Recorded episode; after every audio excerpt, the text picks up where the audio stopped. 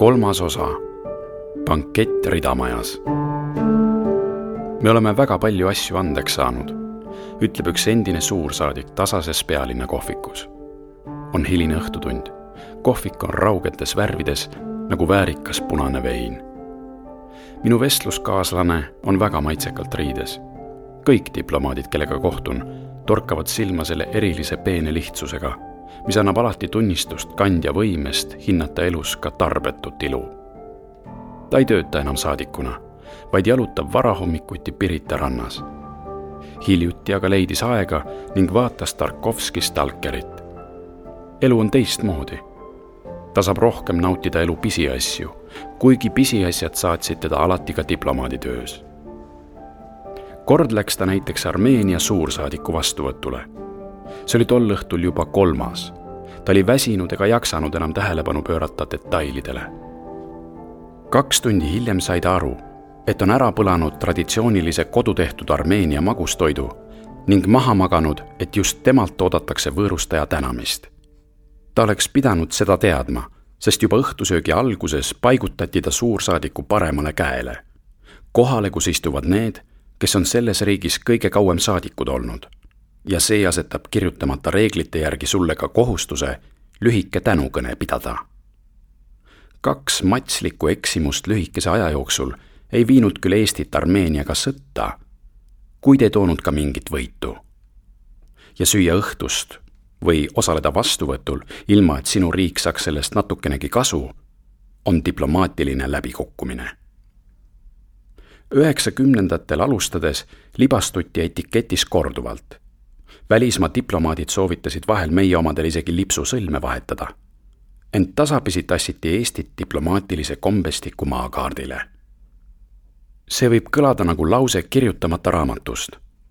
üheksateistkümnenda sajandi käitumisreeglid härrasrahva kogunemistel, kuid diplomaatiline etikett on riikidevaheliste suhete ehitamiseks, lugupidamise ning empaatia näitamiseks mis markeerib väikeste poolnähtamatute märkidega maha nii jõujooni kui mõistmisvalmidust. sa pead tundma etiketti. teisiti ei saa, sest teisiti kannatab kogu sinu riik. meie diplomaadid pole kunagi hiilanud mingisuguse erilise pidulikkusega. üks esindus asus kunagi näiteks lammutamisele määratud majas, kus ventilatsioon lülitati välja juba kell viis õhtupoolikul ning kui suursaadik õhtul värsket memo kirja pani, võttis see alati tavapärasest rohkem aega, sest tema sõrmeotsad olid tõmbunud higiseks ja libisesid klahvidelt. üks konsul töötas kontorihoone kahekümne kuuendal korrusel. aknad lahti ei käinud ja ventilatsioon oli tuksis, nii et ta pidi ostma spetsiaalse diplomaatilise kampsuni, kuna talvel langes kontoris temperatuur viieteistkümne kraadini suvel seevastu tõusid kraadid sedavõrd pööraseks, et kord nädalavahetusel tööle minnes ja ust avades nägi ta koristajat, kes oli ühtlasi saatkonna sekretär, kes tõmbas tolmu vaid aluspesuväel. teisiti oleks olnud võimatu. on riike, kus tööle tohib sõita ainult autojuhiga, sest ühistransport on liiga aeglane või liiga ohtlik. mõnes kohas ei ole aga esinduses ega diplomaadi korteris kütet ning kui õues kisub külmaks, sossutatakse igal hommikul vannituba kuidagi puhuriga soojaks. vahel käiakse pead pesemas aga hoopis juuksuri juures, see läheb kiiremini ja jätab rohkem aega tööasjadeks.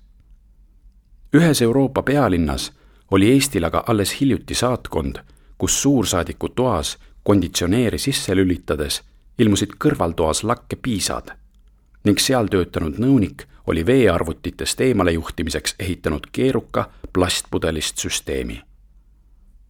Talviti pandi seal aga tööle lisaradiaatorid ning neid tõsteti kordamööda üksteise laua alla, sest saatkonna korgid poleks lihtsalt vastu pidanud, kui iga töötaja oleks saanud oma isikliku radiaatori. üks meie ekstsellentse sõitis aga kord suurriigi saadiku vastuvõtule, istus oma kümme aastat vana autoroolis ja keeras kruusa krabisedes uhke residentsi ette. ja kui ta peatus, avati tagumine uks ning ülemteener vaatas hämmeldunult tühjale tagaistmele, sest just sealt astuvad vastavalt protokollile välja diplomaadid. ainult et seekord keeras üks selline parajasti süütevõtit välja. üks suursaadik kutsuti tähtsale kindralkuberneri vastuvõtule, kuid tal polnud lube, autot ega autojuhti. kaubanduskeskused asuvad tema asukohariigis kilomeetrite kaugusel, vahel viib teda sinna kohalik sõbralik väliseestlane. Väljas aga sadas lund ning kui ta läbi lumehunnikute sumbatest teistest veidi hiljem kohale jõudis, ulatus autode rivi ukse ees kaugele. see võib kõlada nagu eliidi probleem vaesekesed, kas tõesti päev ilma autojuhita? üks Eesti saadik ütleski suurlinnas kolades, et temal trammiga sõita ei sobi, sest ta on ikkagi diplomaat. tema kolleeg, kes seda räägib, muigab. Ent diplomaatilises etiketis on lihtsalt reeglid, millest on tark kinni hoida, sest need on mõeldud selle paremaks läbiviimiseks, milleks diplomaadid on üldse välismaale saadetud, suhete sõlmimiseks. Näiteks tunnevad paljud saadikud puudust residentsist. residents, uhke nimi, silme ette kerkivad tõusvad ja langevad fontäänid, kõplaga õrnalt maad kobestav õlgkübaraga aednik, vestibüülis aga lühtrid ja prääksuv nahkdiivan, seina peal tardunult Monet või Manet. ent kujutlegem pigem tagasihoidlikku eeslinna eramaja, ümbritsetud väikese aiaga, kus muru niidab konsul söögitoas aga pikk lahti tõmmatav laud, mille taha mahuvad külalised. laudlinad on treikinud suursaadik. Üks väheseid Eesti suursaadiku residentse oli varem Hollandi saatkonna majandusnõuniku maja. ta ei olnud tähtsaim nõunik, vaid järjekorras alles kolmas. residents ei ole villa, vaid töökoht sest kui sa tahad, et sinu imeväike koduriik suudaks istuda teistega ühe laua taga nagu võrdne võrdsega ja maailma asjades kaasa rääkida, siis pead sa need teised riigid tõesti ka oma laua taha kutsuma. sa pead saama ja leidma kontakte, sõlmima sidemeid ja punuma võrgustikke ja ennekõike pead sa tegema ennast usaldusväärseks, sest siis peetakse ka sinu riiki usaldusväärseks diplomaatia on viimase paarisaja aasta jooksul palju muutunud. paradeerivatest härrasmeestest on saanud ametnikud. päevasel ajal õdusas kohvikus maailma kummalise kulgemise üle filosofeerivatest vabameestest läbirääkijad, kontaktileidjad, ideede loojad ja läbiviijad. mõõkade, tutimütside ja šampanja asemel on nüüd memod, briifid ja telefoninumbrid. mitu saadikut on pahased kuivõrd üleolevalt suhtutakse memosse. ometi on see infot, soovitusi ja filtreeritud teadmist täis materjal, üks olulisemaid rahvusvahelise suhtluse tööriistu. kuidas ma ka ei püüaks leida midagigi glamuurset Eesti diplomaatide elust, lõpetan parimal juhul avastusega, et mõned neist on söönud maomune. olen ka ise mõnes saatkonnas käinud leidsin suuri vaevu üles Kopenhaageni saatkonna uksekella ja ronisin tavalises korrusmajas ilmetusse büroosse. Roomas jõlkusin vaesunud aadlikku sahvrit meenutavas kitsas saatkonnas ja proovisin ennast mitte millegi vastu ära lüüa. see ei õnnestunud. ning midagi meeliülendavat ma ei tundnud. Diplomaatia väline hiilgus ja sära on asendunud kulunud arvutiklahvide, lekkivate torude ja kingituseks ulatatud kommipakiga. hästi töötavad ka Vana Tallinn, kokaraamatud, džinn ja Arvo Pärdi plaadid. ent mis ei ole muutunud kõigi nende paarisaja aasta jooksul, mil me võime rääkida rahvusvahelisest diplomaatiast, selleks on suhtlemine. ma delegeerisin kõik muud ülesanded oma alluvatele, ütleb endine mitmekordne suursaadik Harri Tiido, sest minu tööks oli suhtlus. kui sulle inimesed ei meeldi, siis ära hakka diplomaadiks, lisab Marina Kaljurand. sa võid olla hiilgav analüütik teada peast Palestiina konflikti kõiki kuupäevi või tunda läbi ja lõhki Alžeeria välispoliitika keskaegseid juuri. aga kui sa ei soovi, viitsi või oska inimestega suhelda, siis ei saa sa olla diplomaat. Eestil ei ole ühtegi rahvusvahelises diplomaatias igal pool ja alati kehtivat argumenti, suurust, jõudu, mõjukust ja seetõttu peavad Eesti diplomaadid suhtlema, rääkima ja punuma võrgustikku rohkem kui suurriikide omad Eesti tuleb suureks rääkida ning esimene samm tuleb alati teha ise. ja pole paremat kohta suhtlemiseks kui õhtusöögid. oo jaa, legendaarsed diplomaatide õhtused lauakohal koogutamised mm,. pasteet ja püree, mõtleme meie. aga nemad mõtlevad hoopis töö. kui Marina Kaljurand hilisõhtuti pärast suuri pidusööke Moskvas või Washingtonis koju jõudis, oli tema kõht alati kohutavalt tühi. ta avas külmkapi ja kahmas sinna jäänud poolsuvalist kraami sest kõigi nende diplomaatiliste söömaaegade jooksul oli ta söömise asemel ainult rääkinud. pärast pronksiööd aga ei tulnud tema vastuvõttudele Moskvas enam mitte ükski venelane. see oli katastroof. Kaljurand rääkis kolleegidega. õhtusöögi korraldas nüüd hoopis mõne Euroopa riigi saadik ja kutsus sinna ka vajalikud venelased, ent arvestus oli veelgi täpsem. nimelt oli Kaljurand toona Moskvas ainuke naissaadik ja see tähendas, et vastavalt etiketile pidi ta istuma otse kõige tähtsama venelase kõrval. Kaljurand kasutas iidset diplomaatilist taktikat, sõi ja lasi teistel süüa, kuid ei lasknud mööda võimalust rääkida Borži, hakkšnitslite ning puberti kõrval Venemaa välisministrile Sergei Lavrovile seda, millised on Eesti riigi seisukohad selles või tolles. diplomaatilised õhtusöögid on kohad, kus riigid sõlmivad omavahel kontakte räägivad probleemidest vabamas vormis, avavad uksi, jagavad informatsiooni. nädalas toimub neid mitmeid ja igal pool. koos süüakse vahel ka töölõunaid, kuid need on ametlikuma ülesehitusega ja sa ei kuule midagi eriti huvitavat. kõik suhete loomised ja hoidmised, sisseelamised ja võrgustike punumised toimuvad õhtusöökidel olulisimad on diplomaatide residentsides või kodudes toimuvad sest need on alati vabama õhustikuga ja intiimsemad. sa kuuled rohkem ja saad rohkem. võib muidugi ka restorani kutsuda, ütleb üks Eesti suursaadik. tal ei ole residentsi.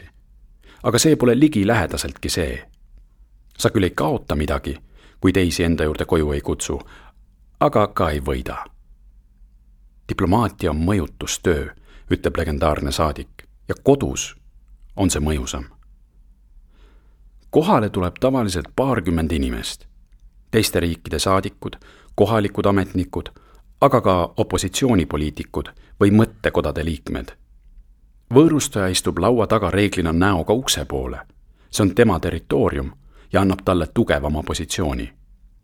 tema paremal käel istub aga diplomaat, kes on selles riigis kõige kauem teeninud õhtusöök algab saadiku sõnavõtuga, mis ei tohi olla mingil juhul kõne vaid soovitavalt naljadega pikitud kergem sissejuhatus, mis peab tekitama vabama oleku, millele rajada kogu hilisem sumin ja flow. sest just need, atmosfäär, meeleolu, täpselt sihitud naljad või tasasema häälega öeldud eraelulised detailid, need on lubatud, moodustavad usaldusliku õhkkonna. aga usaldus on diplomaatias kõik. hea diplomaat uurib juba eelnevalt välja kõigi külaliste tausta et hoida vestlust ülal, aga veelgi enam selleks, et näidata oma empaatiat ja siirast huvi. konkreetseid tööasju pigem välditakse, lepingute üle läbi ei räägita, vaid võetakse ette laiemad teemad. asukohamaa poliitika, uusimad kuulujutud, analüüs võimalikest arengutest selles või tolles küsimuses. söök peab olema hea, laud viisakas kuigi abikaasasid ei panda kunagi kõrvuti istuma nii saavad kõik võrdselt kontakte luua, siis elukaaslasi unustada ei tohi. sest suursaadikute abikaasad moodustavad igas riigis omaette sõpruskonna. Nad käivad koos jalutamas või asutavad raamatuklubi ning reeglina väga erudeeritud inimestena oskavad nad tähele panna detaile oma abikaasa töös, mida jagatakse ka sõbrannadele. seetõttu on sageli kõige raskem üksikul naissaadikul, sest tema kolleegid on meesterahvad ning keegi ei tee kulisside taga tema jaoks infokorjet. õhtusöögil pead sa olema rõõmus ja huvitav. päris kindlasti ei tohi sinu jutt olla pealiskaudne viisakuspläma, vaid pead suutma rääkida paeluvalt, sisuliselt ja alati pakkuma ka midagi uut. sul peab olema üks oma teema, mida sa läbi ja lõhki tunned, soovitab üks saadik. vii end kurssi näiteks küberjulgeolekuga tee endale selgeks mõne veidi eksootilisema riigi välissuund väga sageli küsitakse meilt Venemaa kohta, lausub üks saadik. ja millegipärast arvatakse, et meil on eriline ekspertiis Venemaa osas, lisab üks erru läinu. aga see pole sedavõrd suur, kui vahel mõeldakse. veel üks hea nipp on rääkida asukohamaale uudiseid hoopis tema enese kohta. sa suhtled erinevate ministeeriumitega ja näed erinevaid perspektiive, millest kohalik välisministeeriumi töötaja pole sageli isegi kuulnud. See on olnud ajalooliselt üks Eesti trumpe. meie saadikud suhtlevad kõigiga. üheksakümnendatel alustades ajasid suurriikide suursaadikud näpuga etiketis järge ja rääkisid ainult ministritega. Itaalia saadik alla Prantsuse välisministri kohtuma ei hakanud. aga meie noored tüübid läksid ja jõid õlut mõne madalama taseme ametnikuga tööd tuli suurriikidega võrreldes teha neli korda rohkem, mäletab üks toona alustanuid. Aga lõpuks said sa väga kasulikku infot. kohalik ametnik hindab võimalust rääkida just nimelt saadiku endaga, isegi kui ta esindab vaid rahvusvahelist tolmukübet ja ta räägib sulle rohkem. Moskvas ma teiste saadikutega eriti ei suhelnudki, ütleb Kaljurand. Nad olid reeglina pensionieelikud, kes hoidsid lihtsalt oma kohast kinni aga saatkondade number kahed olid nagu noored hagijad. Nad peavad end tõestama ja toovad selle nimel sulle igasugust informatsiooni. nii kulgevadki õhtusöögid. Need diplomaatia südamed, mis pumpavad rahvusvahelisse vereringesse informatsiooni ja suhteid ning mida ei asenda ükski Zoom või Skype. digitaalselt saad sa fakte, ütleb Tiido, aga mitte tegelikku informatsiooni ja usaldust. ta pole ainuke kui Välisministeerium küsis minult, kus ma näen läbirääkimistel kompromissi võimalust, kirjeldab üks äärmiselt kogenud endine saadik, siis ma võtsin väga sageli arvesse mitte niivõrd seda, mida öeldi, vaid kuidas öeldi. laused on pelgalt laused, kuid nende ütlemise toon, kõnekad pausid või kulmukortsutused on rahvusvahelises diplomaatias hindamatu infoallikas, mis võib edasi anda palju rohkem kui reglementeeritud retoorika. Kes on diplomaat, küsib üks suursaadik ja vastab anekdoodiga. keegi, kes peab teatud olukorras vestluskaaslase põrgusse saatma, aga selliste sõnade, näoilme ja maneeriga, et vestluskaaslane küsib sinu käest teekonnale juhatust. õhtusöögi lõppedes pakutakse, nagu ikka, teed, kohvi ja konjakit. siis tõuseb lõpuks võõrustaja ja tänab kõiki tema kõne peab mõjuma, nagu see oleks just pähe tulnud, vaba ja kerge ning ometi nähakse selle ettevalmistamisega sageli pikalt vaeva. proovitakse leida mõte, mille ümber kõik laused punuda. siis külalised lahkuvad. ja kui Eesti suursaadik kõnnib tagasi mustade taldrikutega kaetud laua ning riiulile asetatud pooltäis konjakiklaaside juurde, tegeleb ta peas juba oma uneajast kirjutatava memoga milles läkitada kaugele kodumaale natuke kasulikku informatsiooni, mis võiks anda oma väikese panuse sellesse, et meie riik ei jääks enam kunagi üksi. just need kalasoomustega kaetud liuad ning huulepulga jälgedega veiniklaasid on dokumendid rahvusvahelisest diplomaatiast. tõestused sellest, et kuigi kokku said vaid mõned inimesed, kohtusid omavahel tegelikult terved riigid. said üksteist paremini tundma võtsid midagi kaasa ning see miski seob neid nüüd ka edaspidi.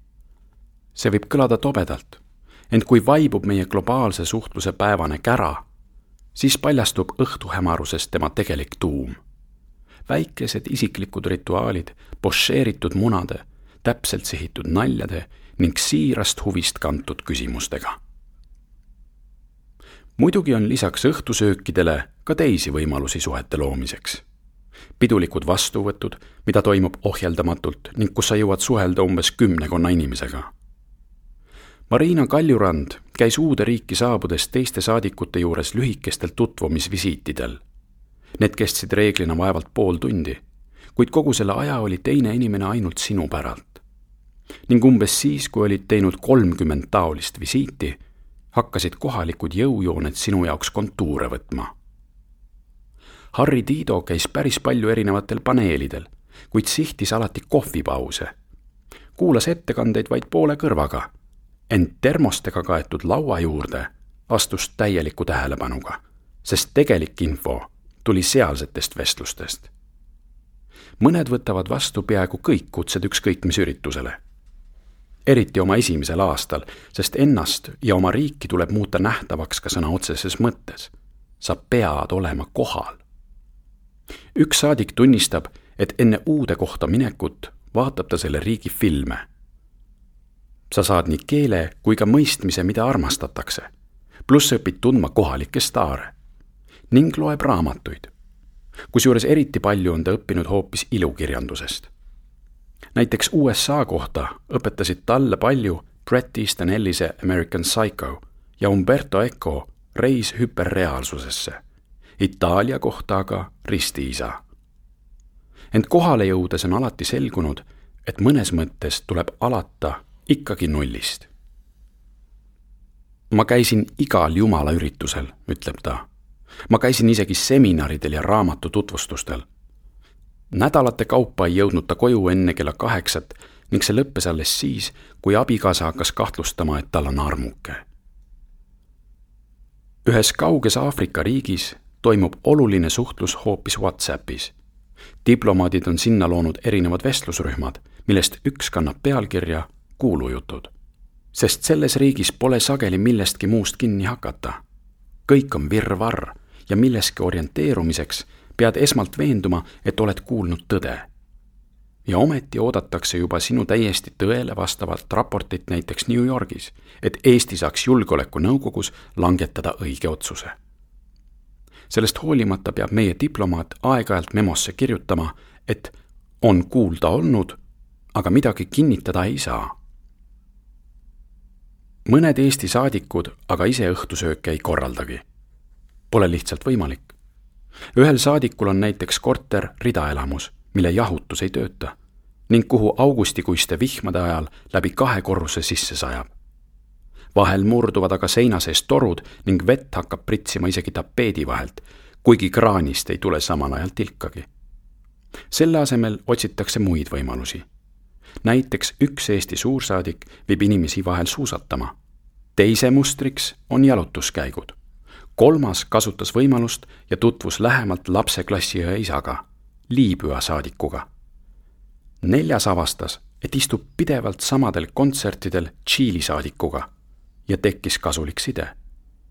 vahel jagatakse ühiselt vaimustumist mingist raamatust ja see liidab ja näitab ühtlasi silmaringi, sest reeglina on diplomaadid palju lugenud, palju näinud ja palju kuulnud. Sellest hoolimata, ütlevad paljud ei ole paremat võimalust Eesti esitlemiseks kui mõne näituse või kontserdi korraldamine. ma istusin ja pisarad voolasid, ütleb Marina Kaljurand. aga ma ei mäleta ühtegi pala.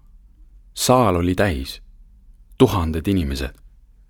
ta ei olnud kindel, kas üldse keegi tuleb, aga kui ta maja ette jõudis, oli publik hiigelpikas järjekorras too õhtu tegi Washingtonis Eesti heaks rohkem kui kõik meie saadikud enne ja pärast seda kokku, ütleb Kaljurand.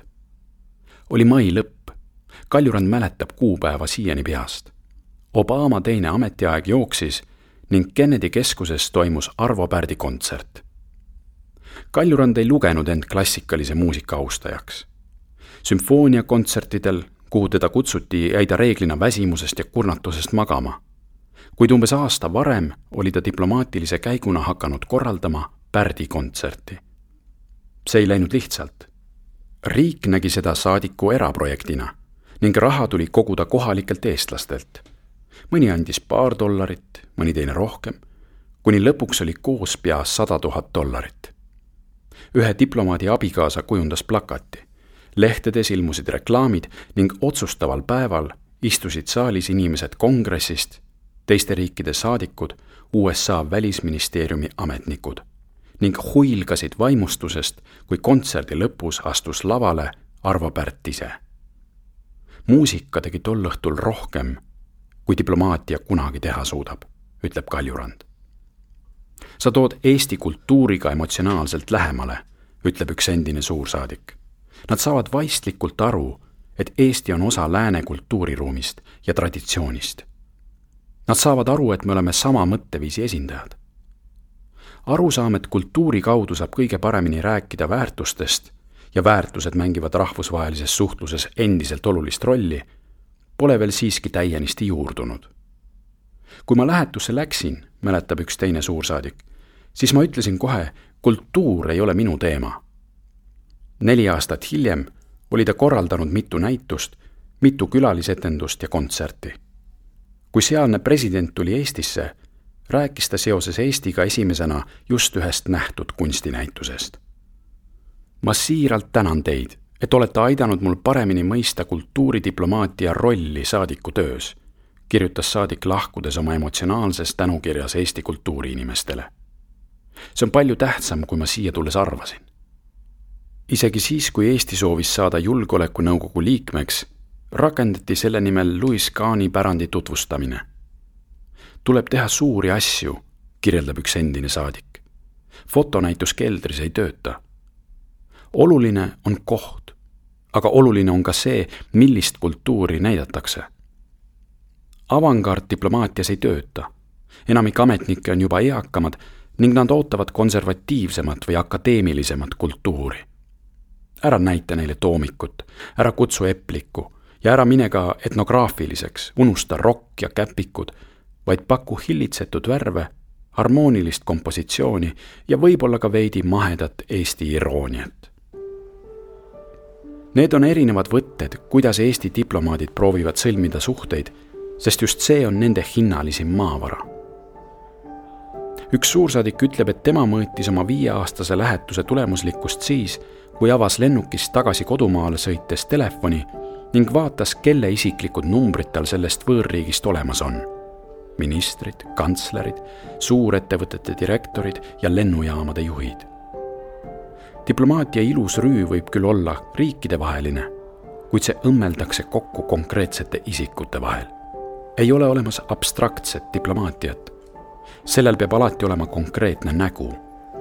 me võime seda kujutleda ka diplomaatia pehmema poolena sest mida üleliia pöörast võiks olla võrgustiku sõlmimises ühise keeksi söömise jooksul ent kujutlege nüüd, et te teete seda neli korda nädalas või viis ja nii iga nädal, iga kuu, aastaid, aastad täis õhtusööke, kus sa pead olema vaimukas, huvitatud, informeeritud, põhjalikult ette valmistunud, kuid improvisatsioonialdis, õhtu õhtu järel. ja kujutlege, et see pole kaugeltki kõik, mis te tegema peate